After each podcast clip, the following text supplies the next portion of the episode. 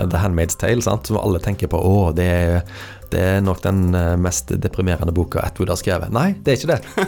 Den mest deprimerende boka hun har skrevet, heter 'Tidenes morgen', og den handler om helt, helt vanlige folk Ja. det som ikke foregår i noe sånn dystopisk eh, religiøst diktatur. Nei, det foregår i et eh, Toronto. liber liberalt Toronto på 70-tallet, Ja. med folk som bare er ute etter å, å ødelegge livet til hverandre på en ganske sånn kjedelig måte.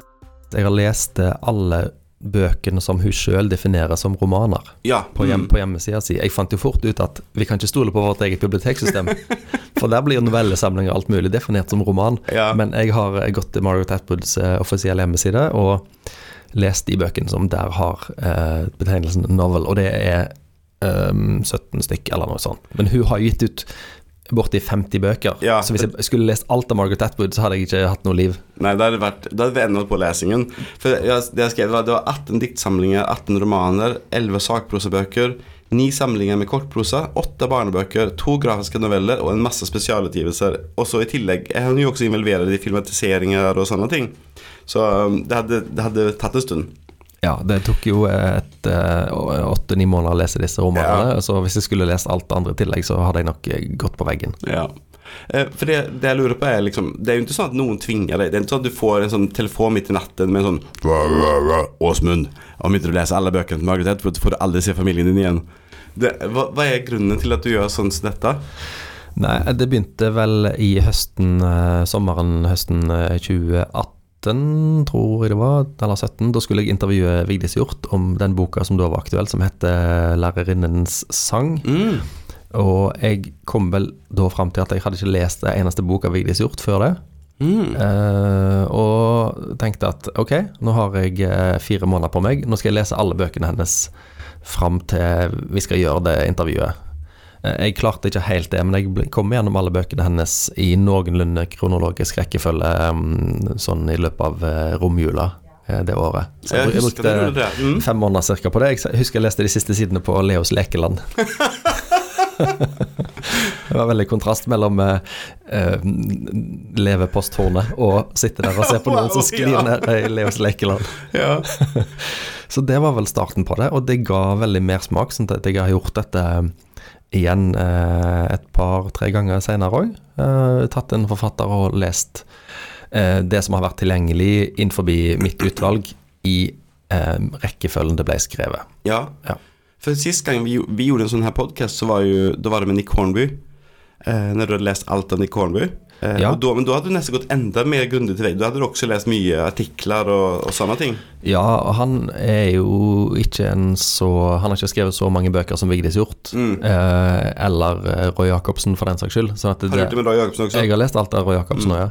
Sånn at det da eh, ble det Da gikk jeg litt mer i dybden. Da tok, tok jeg for meg òg eh, eh, artikkelsamlinger og Ja, ikke bare romanene hans, da. For, Mm. det, det, for det, det føltes over, overkommelig. Det var ikke sånn at det lunsjbordet var så stort at jeg ikke klarte å smake Stemme. på alt. Ja. ja det, det var veldig kjekt. Det var en veldig kjekk gjennomgang, og, och man også eh, som ikke har lest allting da, får en veldig god innblikk. Og det, og det tenkte jeg egentlig kunne bruke som en slags um, innledning her, da, at uh, dette blir som at du introduserer henne for meg, og tipper at det er veldig mange av våre lyttere som, som kanske känner till, hennes berättning. Inte genom boken eller serien. Och kanske inte så väldigt mycket mer. Eh, og da kan vi vise fram. Ja, det er jeg helt enig i. Samtidig så gjør jeg jo dette med en uh, stor dose respekt. For det. jeg vet jo at det er mange der ute som har lest uh, Margaret Atwood mye grundigere enn meg, og de har lest hun over gjerne 30-40 år. mm. Mens jeg har bare spist alt på ett år. Mm. Så en får jo andre perspektiver når en eh, eh, leser bøkene gjennom et helt liv, kanskje. Så, Kanskje. Og, og hun, hun er jo en veldig eh, mye akademisk studert forfatter og sånt, sånn at mm. eh, hvis det er de innsiktene en vil ha, så må en eh, søke opp i sånne universitets hovedfagsoppgavebaser for å finne liksom det mer sånn eh, akademiske Ja. blikket på Mark Atwood. Jeg er jo bare en leser som, Ja. som eh, leste bøkene hennes i, for å forstå mer av eh, hennes eh, prosjekt. ja. Men, men jeg vil si at du er jo en god leser, og i tillegg så får man et annet perspektiv når man leser alt i en samlad... For hun beveger seg jo i sitt liv og i sin, sin tekstforståelse selv, sant? Og du leser du får jo et sånt blikk på en, et helt forfatter... Her er det faktisk et helt forfatterskap. Ja. Hun er 85 år, Ja. eller noe sånt. Hun, blir, hun ut så mange med bøker. Ja, og jeg, jeg tenker at hvis en leser bøker eh, av en forfatter på denne måten, som jeg gjør, leser de ganske tett etter hverandre i rekkefølge, så tror jeg det vil vise seg sammenhenger mellom de som en kanskje ikke får med seg hvis en leser de idet de kommer ut. For det går jo, mange av bøkene hennes har jo eh, linker mellom seg, eh, men de ble kanskje skrevet med 15 års mellomrom. Og du, hvis du leste en bok i 1976, så klarer du kanskje ikke å huske i, i 1993 Eh, oh ja, det ligner jo på den boka der. Men hvis du leser de med en to måneders mellomrom, så, så er de veldig ferske i minnet. Og da bl blir på en måte eh, De underliggende strømningene i bøkene viser seg tydeligere, kanskje, enn Ja. hvis en leser de eh, over et helt liv. Ja, for, for jeg, eh, jeg tipper at mange av oss som leser ganske mye, har visse forfattere som man gleder seg veldig til neste bok. sant? Men da leser man jo det ut når det kommer. Med en gang det kommer, Ja. så kanskje man springer til bokhandelen eller reserverer på biblioteket. sant? Ja. Mange har Knausgård sånn som det er, venter på den nyeste, den nyeste serien. Og, og da får man jo det, det umiddelbare, men det er jo interessant. Dette er noe Så jeg tenkte også at som vi sa, Hun har jo skrevet bøker i over 50 år nå. Hennes første bok kom ut i 1969. sant? Det er faktisk 55 år. Eh, Ja, altså Den første utgivelsen hennes kom jo allerede som eh, 23-åring eh, i 1961. sant? Eh, og så gikk det ennå åtte år før den første romanen kom. Så okay. hun, hun har jo vært en skrivende person siden Tidenes morgen. tidenes morgen. ja. Før, før 1968, liksom. Eh, Hun er Ja. Ja. Em, og så, så vi kan ikke skumme gjennom dette forfatterskapet. Og det gjør at eh, vi, vi har en Dette blir en liten miniserie. Ja, dette blir del én av fire, tror Ja. jeg vi sier. Altså vi tar en episode eh, per tiår, Ja. sånn røftlig. Mm. Eh, ja, vi ser hvordan det går, men vi prøver i hvert fall å komme oss gjennom eh, 70-tallet i denne første episoden. Ja. Da sier vi at første roman hører til 70-tallet, selv om den er fra 1969. Ja, og det eh, Skal være min egen episode Nei, Du kunne hatt en egen episode med introduksjon og 1969, og så slutt. Nei, vi skal ikke plage folk altfor mye. Vi smasher det sammen med 70-tallet. Eh, Så da handler denne boken bare om månelandingen, eller? Eh, Denne boka fra 1969, eh, som er første romanen hennes, kom eh, på norsk for første gang, så vidt jeg har skjønt, i eh, 2020. Eh, og den heter 'Den spiselige kvinnen', 'The Edible Woman'. Um, og den er må jeg bare bla her litt. Jeg tror ja, denne er oversatt av Inger Gjelsvik, som er hennes eh, faste norske oversetter. Okay. Så hun har jo fulgt Atwood siden 70-tallet, hun òg, med sine Ah. oversettelser. Men for den, det uttrykket 'Edible Woman' det føles veldig kjent for meg. Uh, er, det, uh, er det en kjent bok, selv om den ikke har kommet ut på norsk før? Uh, jeg er usikker på hvor stor den er i Atwood-hitlista til folk. Om, den om den er Om den var et fenomen allerede når han kom ut, eller om han har eh, på en måte blitt eh, mer anerkjent seinere. Det, det vet jeg ikke helt, men Uh, vi kan si hva det handler om. Det er ikke, Ja. ikke månelandingen. Det er da uh, Hovedpersonen heter Marion. Uh, hun har en jobb som er temmelig meningsløs. Um, og hun er kjæreste med en fyr som heter Peter, som er en veldig, veldig, veldig eh, uinteressant fyr. Som har et nokså sånn mekanisk syn på livet. Han er opptatt av eh, eh, speilreflekskameraer og har en sånn rasjonell tilnærming til alt. Han, han er på en måte litt sånn klisjeen på en mann. Det, det, det, det er ikke så mye vondt i han, men han er samtidig nokså flat Ja. eh, og, og veldig sånn em, Hva er det der uttrykket? Rett, retthaversk. Altså, han, han skal liksom ha, rett. Han skal Oh, wow. han, han, han går på en måte rundt med fasiten på hvordan verden er, og hvordan hun burde ha det. Ok, og, og, Så og han er definisjonen på mansplainer, liksom? Nei, han, er, han er en mansplainer, men, men samtidig så er det ikke så mye vondt i han. Han er, han er kanskje bare et produkt av uh, sin egen tid. Mm. Det, det er noe um, um, moderne med han på den måten at Altså moderne med romanen, for den føles litt som om det kunne vært en TV-serie i dag, kanskje. Eh, med, det er liksom eh, det er litt sorgløse, men samtidig litt eh, em, på grensen til det, til det alvorlige voksenlivet. Hvor disse, den gjengen til Marion og, og Marion sjøl eh, svever rundt. Eh, samtidig som det begynner å festne seg et visst alvor, da, i form av at eh, noen har lyst på barn. Eh, og så skjer jo denne ulykken med at Peter eh, frir til Marion, og hun svarer ja. Jeg vil bare si at, dette, at i notatene som Åsmund har sendt til meg på forhånd, så, så står det sånn dette. Marion har en meningsløs jobb, og en dag kommer hun i skade for å forlove seg med en ekstremt kjedelig Peter. Jeg syns den formuleringen er så utrolig morsom. Ja, men det er sånn det er. Så det, det, Marion er Jeg ville likt at en psykolog hadde lest denne boka, for hun er vel kanskje det vi ville kalt litt sånn um, passiv-aggressiv. Eller uh, unnvikende. Uh, så når hun blir fridd til å, å vel svare ja på et sånn ok, da. Litt sånn Det er ikke noe stormende jubel Ja. det i det hele tatt, men, for, men, men det er jo tidas melodi at de skal gifte seg på den tida der, de som er unge og, og sånn på grensen til forelska. De skal gifte seg for barn. På grensen til forelska. Men er han er, Altså, frir han fordi at Ja, det gjør man, eller er han oppriktig interessert, glad i henne, eller liksom Nei, for meg så virker det som han òg ser på dette som en del av eh, liksom eh, Neste steg, liksom. Samfunnsoppdraget Ja. som de har. Eh, samtidig som foregår jo dette i, i liksom 68-tida, hvor det er du, du aner at det er noe på gang, at det er en forandring på gang. Um, så um, det som skjer da etter at hun, eh, de skal bli enige om å forlove seg, er at Marion slutter å spise. Eh, og det er ikke, det er ikke tolka som eh, Eller det er ikke, det er ikke formulert som en slags uh, spisevegringsroman, sånn som vi leser det i dag, gjerne. Det er bare det at eh, hun blir introdusert for mye mat som hun aldri spiser.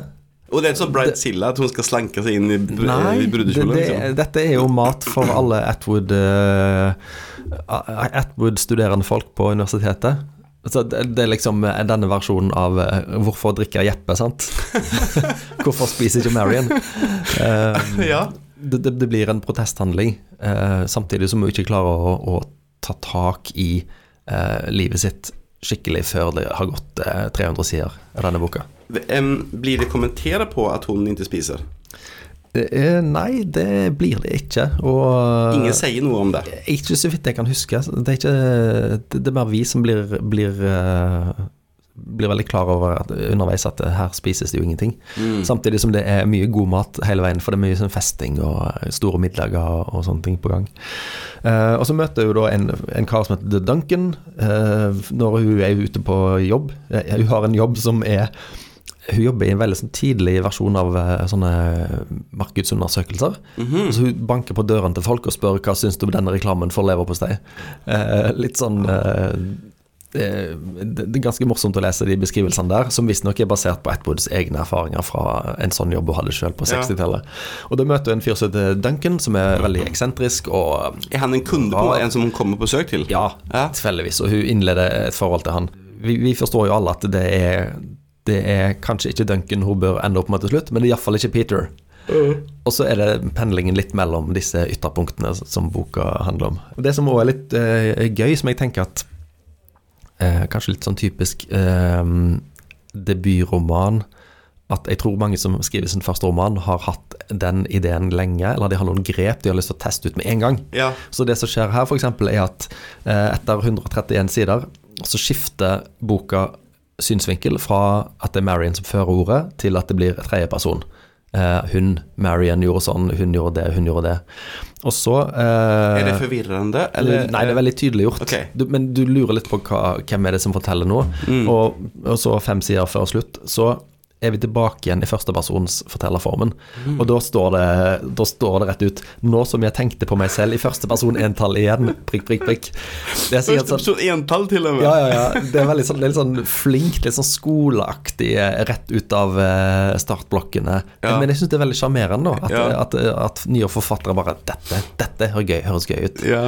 Det er kanskje litt sånn som hvis du kjøper deg nytt hus, så tenker du her skal vi ha eh, en dyr lenestol midt i rommet. Ja. Så bare bestill den på nett Ja. idet du har flytta inn, og så bare kommer lenestolen. Bare yes, der var lenestolen sin. Og så Så har du den og en madrass, ja, okay, ok, det var lenestolen. Men eh, har, du, har du lest noe om hva hun selv syns om denne boken? Eller hva andre syns om den og sånn? Nei, det kan vi jo si med en gang. Jeg har lest veldig lite av uh, kritikerne sine meninger om Atwood sine bøker, og jeg har ikke oppsøkt hennes egen eh, tanker om bøkene heller. Eh, Litt fordi at hun er vel nokså kjent for å ikke ville gå for mye inn i sine egne verk. Eller hun, hun har jo ikke gitt ut noen selvbiografi, så vidt jeg vet, og, og er veldig sånn eh, Holder ganske klare grenser for hvor mye hun vil legge inn av sitt eget liv i uh, når, når hun snakker om bøkene sine. Så, jeg- så hun er ganske sånn har en ganske stor avstand der. Men det kan godt være at du har noe mening om denne boka. Det kan dere jo eh, sjekke opp sjøl, dere som har, eh, har lyst til å lese den.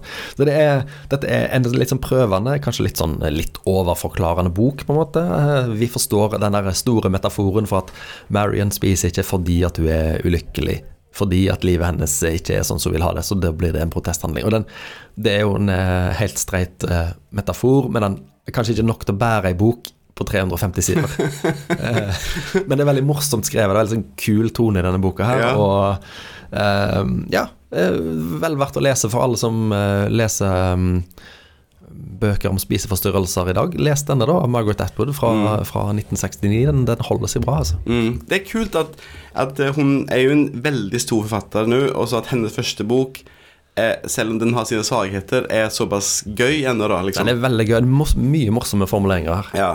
Og så tenkte jeg en de ting du skrev, er at, at den er litt prøvende, overforklarende. Eh, Og hovedpersonen oppsummerer boken og temaene for oss på de siste sidene. Som vi ikke Ja, det Det, er ganske morsomt, syns jeg. Ja, eh, det er litt sånn uh, Skal vi se Du ser faktisk bedre ut. Du virker opplagt og full av pågangsmot. Altså Marion har begynt å spise igjen. Hvordan har du fått det til? Bla, bla, bla. Det med at Peter prøvde å ødelegge deg, mener du? Jeg nikket. Det er noe tull. Peter prøvde ikke å ødelegge deg, det var bare noe du har funnet på. Faktisk var det du som prøvde, prøvde å ødelegge han. Altså, karakterene sitter og oppsummerer boka eh, sånn, i en sånn ekstremt sånn eh, eks, hva heter det, eksposisjonsaktig dialog. Ja, og det er ingen som I ens vanlige liv så er det sånn Å, dette var en episode av mitt liv. Nå kan vi oppsummere den episoden. Det er ikke sånn man lever sitt liv, liksom. Nei, det er jo ikke det. Det blir Nei. sånn om Per Gynt skulle sittet uten, utenfor fjøset sitt og bare Hva skjedde egentlig, Per? Jo, jeg, ble, jeg hadde jo en ident- identitetskrise og måtte dra av sted, men eh, Du kanskje det som var du gjemmer igjen på gården. ja. Men eh, ok, da. Jeg, jeg, jeg syns vi skal gi debutanter masse, masse, masse eh, eh, slack. Ja. Og det gir, det gir jeg Margaret Atwood her, og det er en bra bok som bør leses. Og det er tydelig at, at, eh, at hun hadde noe å komme med, liksom. Absolutt. Absolutt. Neste bok heter 'Surfacing' på engelsk. Ja. Eh, 'Gjenkjennelsen' på norsk. Den kom ut i 1972. Ja, det stemmer. Og denne boka måtte jeg ned i, i katakombene våre i magasin U1, altså der vi har de bøkene som ikke lånes ut så ofte. Og jeg kan love deg, Thomas, at 999 av 1000 lånere som hadde gått forbi dette coveret her, ville ikke tatt den med seg. Den er en slags sånn 1970-talls eh, stygg lilla, og så står det bare Margaret Atwood, gjenkjennelsen på. Det, det ser ut som en sånn typisk eh, um, gammeldags bibliotekbok fra begynnelsen av 80-tallet Ja. eller noe sånt. Den Ja. er ensfarga, og vi kan godt legge ut litt bilder et sted, eh, for Ja, det er ganske interessant å se. Ja, ja, ja. Så eh, gjenkjennelsen den er jo noe helt annet enn enn, eh, debutromanen. Her er det to menn og to kvinner som drar på hyttetur. Det høres jo koselig ut, men det er det ikke i det hele tatt. Um, de er på biltur vei på vei til fortelleren si hytte. Eh, Den fortelleren blir aldri navngitt. Eh, Og de skal prøve å finne ut hva som skjedde med faren til denne uh, jenta som forteller historien. Og det er altså den verste hytteturen jeg noen gang har lest om. Det er altså så utrolig kjip stemning i denne boka her. Eh, Det er kjefting, det er overgrep, det er kvinneundertrykkelse, det er utskjelling, eh, og hovedpersonen blir eh, til slutt gal, kan vi si. Hun, hun, hun mister forstanden aldeles. Så jeg har tenkt at dette er en slags sånn blanding av Twin Peaks og De dødes tjern. Hvis du tar det, de, de to de meste, de meste eh, ekle elementene i de to eh, seriene.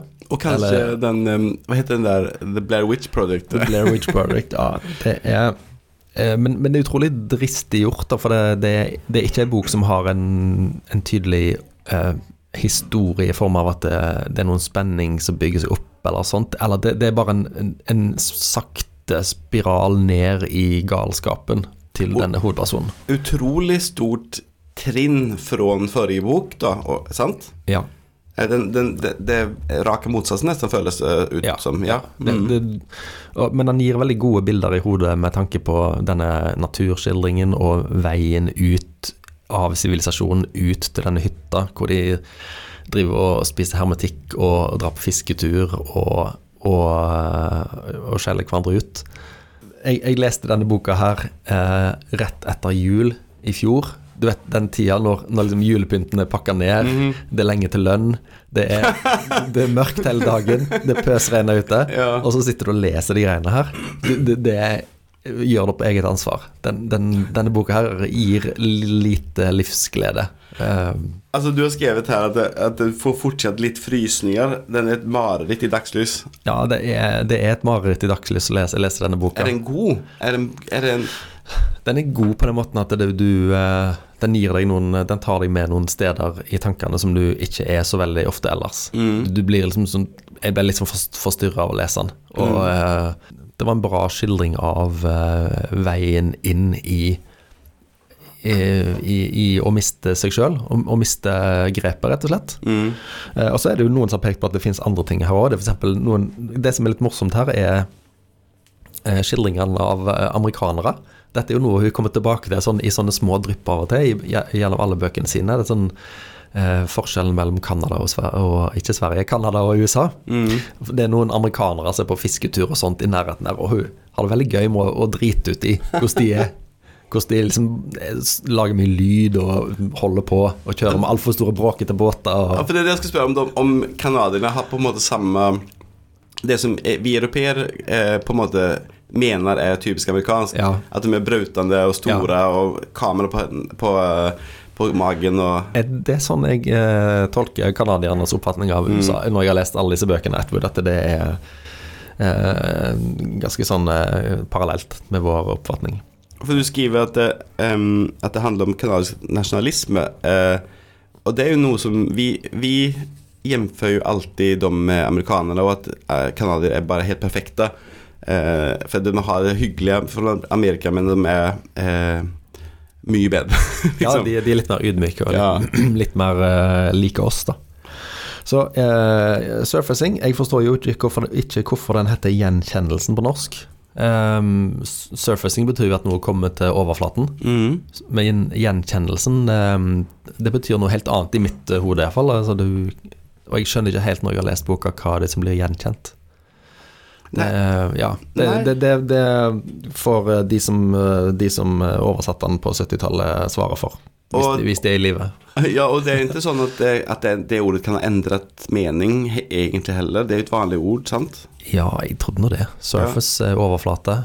Du skriver her også Surfacing echoes the structure of Jack Kerouacs On the Road as the narrative travels by car back to her childhood home.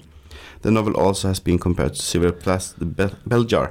Ja. Eh, altså at den minner om eh, Hva heter den på, på norsk? Uh, på kjøret heter den på norsk. kjøret? Ja, On the Road. Jeg har ikke lest den, så det kan godt være. Men, men den bilturen blir jo ganske fort unnagjort. Så det er ikke sånn at de kjører bil så lenge. De Nei. kommer fort fram til den hytta hvor de har det felt.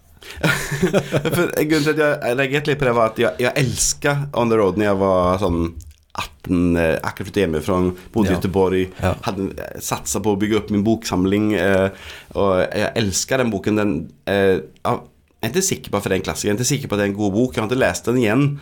Men, men eh, den er ganske lettlest, og en, en legendarisk sånn bitnovell, eller bitroman. Ja, ja, ja.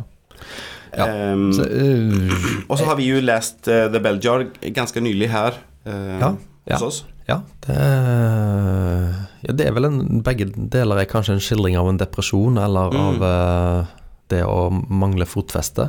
Det, ja. Hvor kom det, det sitatet fra? Husker Nei, du det det? husker jeg ikke. Jeg Nei. fant det på nettet. Da Ja. må det være sant. ja, noen har sagt det. Noen har sagt Ja. det. Ja, men det er, det er mye om um, Det som man har felles med debutromanen, er jo at den handler om maktforholdet mellom menn og kvinner. Mm. Uh, særlig han ene mannen, det er to menn og to kvinner som er på tur, og han ene mannen der er jo uh, Han har jo holdninger som sjøl i 1972 tror jeg var ganske forkastelige, men han bare Han, han, han, er, han er virkelig mm, en Hva heter det? Mannssjåvinist Ja. med rødt belte. Hvitt Ja. belte. Svart belte. Svart belte! När du snakker litt om det så tenker jeg på den här den filmen 'Deliverance'. Uh, Ja, ja, Deliverance. Sånn Ja. er det. Ja, det er helt sant. Den er veldig ubehagelig. Ja, det, og i, i, i norsk mytologi så er jo gjerne det å komme seg ut i hytta på skogen er liksom det toppen av fred og lykke. Mens, mens Deliverance og denne her, så er det hold deg unna skogen. Rakt motsatt. der skjer det forferdelige ting. Ja. Skal vi gå videre til neste Ja, bok? kjør på. Da er det Lady Oracle, eller Dronning Orakel, Uh, i den norske Ja, altså, lady, Når ble lady dronning? Eh, Du kan være bedre engelsk enn meg, men uh, igjen, litt for kreativ titteloversettelse, spør du meg, da. Men det er litt typisk tror jeg, nordisk eh, oversettelse eh, fra 40-50 år siden. At Ja. eh, det var eh, kanskje ikke superforståelse av språket. Men har du lest det norsk eller engelsk? Eh, Jeg har lest den på norsk, ja. ja, Eh, Men det var kan oversettelsen god ellers? Eh, Ja, det var den vel egentlig. Ja. Eh, Men kanskje det var sånn at oversetterne De følte ikke at de fortjente lønna hvis de ikke endra litt på Stemmer. Altså bare kalle uh, Lady Oracle for uh, Hva er lady på norsk, da? Lady, ja. Nei, vi har ikke sånne Jomfru eh, Ja, iallfall. Lady Oracle er ei merkelig bok. Det en, vi kan jo ta fram coveret her. Se, det, jeg synes det, det igjen sånn gyselige 70-tallscover. Det er et sånt kollasj av brunt og blått. eh, ut- Ja. bilde som ser utklipt ut. Det er bilde Det er en veldig tidlig utgave av kvinne med ryggen til kamera. Ja, ja. Eh, og så er det noe som kysser nede i et hjørne her, og så er det bilde av en eh, Jeg forstår ikke helt hva det er. Eh, En sel uten hode. Nei. Jeg er veldig svak for dette typesnittet, som du ser på ryggen der. Ja. Mm. Jeg, jeg liker det av en eller annen grunn. Det er litt sånn tjukt eh, Ja. eh, trykkstil. Ja. Um, men eh, det, det er ikke, det er ikke eh, stor design. Det, nei, det har ikke helt holdt tidens tann. Men Og den er fra 1979. 1979. Han kom originalt på, i 1976 okay. i, eh, i eh, Canada. Og Det er da om ei som heter Joan Foster, som eh, hun forteller historien om sitt liv. Fra oppveksten med ei dominerende mor og en veldig sånn føyelig far. Um, til hun blir voksen og treffer mange forskjellige menn. Og så er hun òg forfatter i hemmelighet. Skriver bøker, da. Mhm.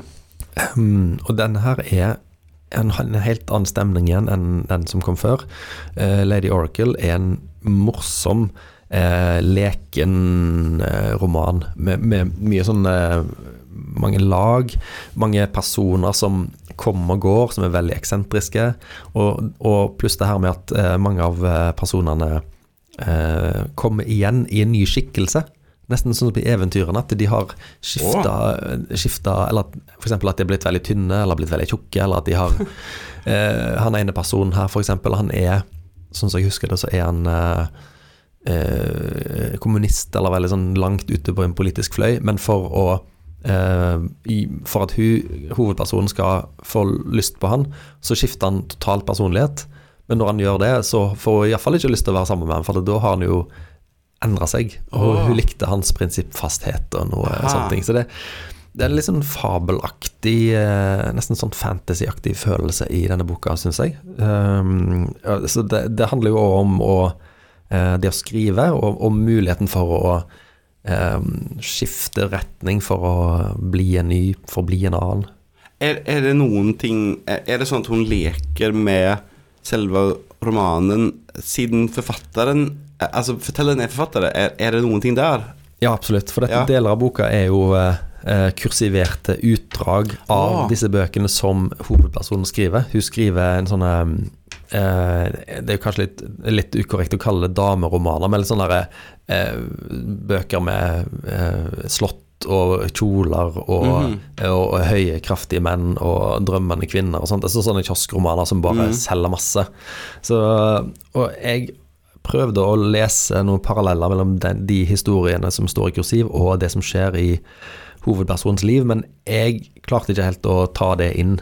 Fordi at det var for karikert, Ja. de som står i kursiv.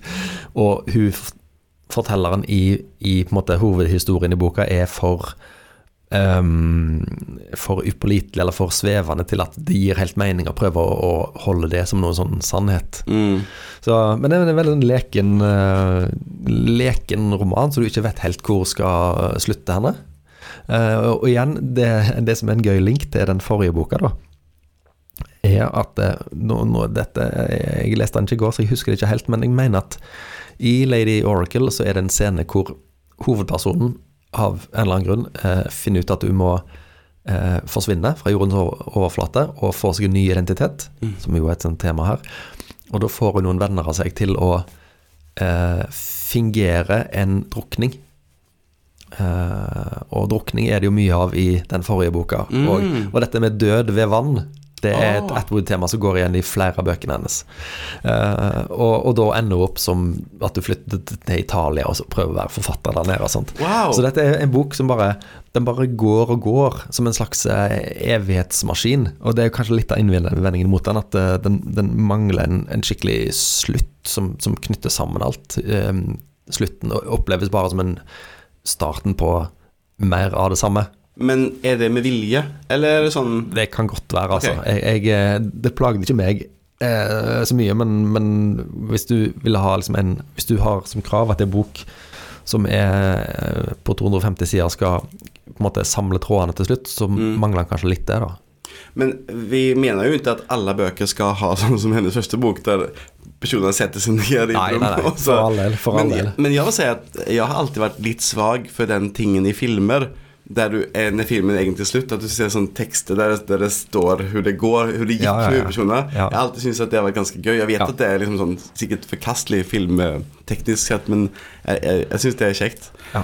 Men det er en roman hvor jeg, jeg merker at eh, forfatteren må ha hatt det veldig gøy når hun skrev. For det er liksom sånn overskudd i den teksten her. Kult. Hun prøver, hun prøver alt mulig. Det er liksom tragedie, det er komedie, det er romantikk, det er sånn derre eh, krimelementer med denne drukningen som liksom er litt komisk. Um, For det er hennes egen fignerede, eh, liksom, det er den ekte. jo, det er en ekte De dreper noen. Nei, hun, hun, hun eh, skal få det til å se ut som at hun har drukna, for hun Ja. skal stikke av. Ja. Ja, eh, hun kommer seg til Italia da i stedet for. Hvem ville ha vel ikke drømt om det?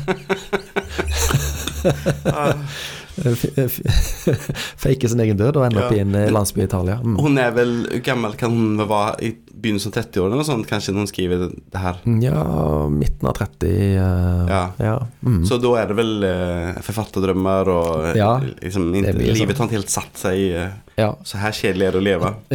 Nei, sant. Nei, en, eh, absolutt en bra bok. eh, Lady Oracle. Eh, les den selv om han ser litt bås ut. Ja.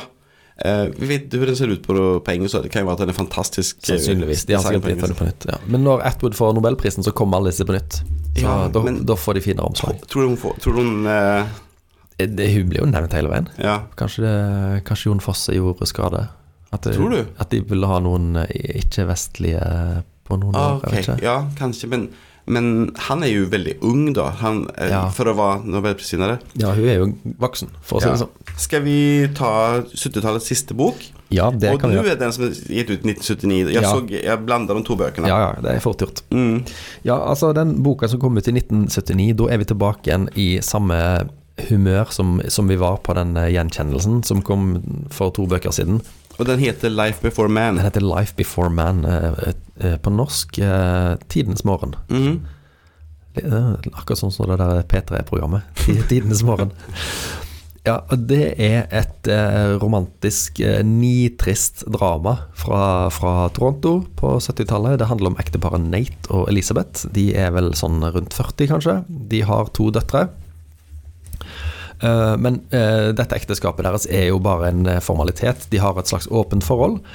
Eh, de bor bare sammen fordi det Ja, de har ikke noe Jeg vet ikke om de syns det blir for dyrt å skilles eller et eller annet. Er det Eh, liksom Vet de om hverandres forhold? Ja da, eh, de vet Er det, om er det, er det åpent, på en måte? De har vel uh, hatt et åpent forhold, ja, men uh, Elisabeth har- hatt en elsker nylig som akkurat har tatt livet av seg, og det tror jeg ikke at han har At hun har fortalt om til Mhm. um, Nate. At, at hun har hatt en elsker, og at han har tatt livet av seg. Så hun bærer jo på en sorg som hun ikke kan framføre, for dette eh, Ja, det er jo eh, det er jo et utroskapsforhold som ligger til grunn for at du involverte seg med denne fyren uansett. Mm. Uh, og Nate har da akkurat hatt et forhold til ei som heter Martha. Og så uh, forelsker han seg da i ei som heter Jeg vet ikke hvordan det uttales. Du skrives Lesje. S-L-E-S-J-E. Leisha, kanskje. Hun, hun er fra Ukraina. Det er ganske gøy at det står i boka at det Ah. står ikke at hun er fra Sovjet, det står at hun er fra Ukraina. Ah, det er litt, det var jo på den tiden det var Sovjet, liksom. Ja, det var virkelig Sovjet eh, da. Um, uh, og så er, er det da om forholdet mellom uh, Elisabeth, Nate, uh, Lesje og eh, eh, ungene deres til en viss grad. da. Mm.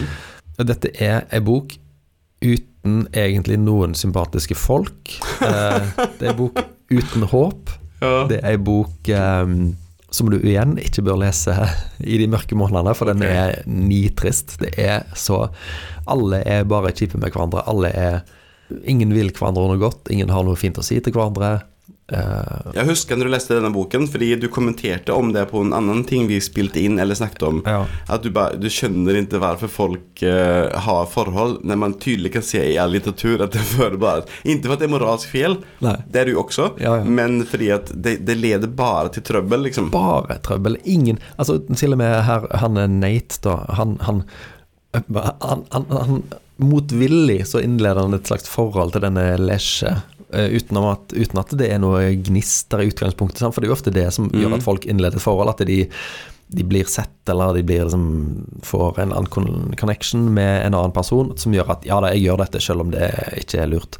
Men, eh, men det forholdet mellom de to er bare Det er aldri noe gnister. Det er Mm. bare, det er bare to, det er bare det, Denne boka skildrer mennesket som eh, at vi er en, en samling enslige planeter som ved uhell av og til kommer i kontakt med hverandre. Mm. Vi, har, vi har ingenting godt å gi hverandre. Vi, vi, vi bør egentlig alle sammen bare gi opp. Du har en veldig morsom formulering her også, syns jeg, i dine notater. da. Eh, Det blir fel å si at han forelsker seg Nå er det Nate og Lesje, da. Ja. Det blir fel å si at han forelsker seg. Han er mer som et førerløst skip som driver misfornøyd i land et sted. det synes jeg er Ja, veldig det er sånn morsomt. er. Ja, det er sånn Ja. Og så um, eh, Og hun, men også, og hun har ikke heller så veldig lyst på han. Nei, hun, hun, hun liksom innleder dette forholdet uten at hun egentlig har lyst å holde på med noe annet enn dinosaurforskning. For Hun jobber på et sånn eh, sted som driver med det. Et museum, tror jeg, er i Toronto. Jeg tror det fins på ordentlig. Det, det, det, det er vanskelig å skjønne motivene til disse folkene her. De, for de er Men alle trenger jo nærhet. Det kanskje er, er noe sånn ting at selv om du ikke eh, Dette er ikke eh, drømmeprinsen, så må man ha noe slags nærhet, og da blir Ja. det den som, som er tilgjengelig. Kanskje. Jeg vet ikke. Ja, det, det kan være den der sangen eh, If you can't be with the one you love, love the one you're with. Ja. Men det gjør de ikke her, da. Nei, det, det, de bare plager hverandre alle sammen. Det er det de gjør. Uh, og den er visstnok litt basert på uh, Margaret Atwoods eget liv, har jeg skjønt. Uh, den er Ja, altså Hun som heter Elisabeth her, skal visstnok være eksen til eh, Om det var Atwood sin eh, daværende eller nåværende, et eller annet. eh, Det var noe opplegg der. Samme kan det være. Men, men eh, Elisabeth er jo en sånn eh, er jo den mest eh, gøye karakteren, for hun er så, så frekk og spiss Mm. og kynisk. Og legger ikke skjul på at du har på en måte har ingen illusjoner lenger. Mm. Folk som bare har gitt opp, kan jo være ganske morsomme. Ja. Det, det er litt sånn det, det, det føles å lese denne boka. Eh, sånn morsom formulering. Denne boken fremstiller livet som en serie pinefulle møter med folk du ikke liker. Ja, det er akkurat sånn det.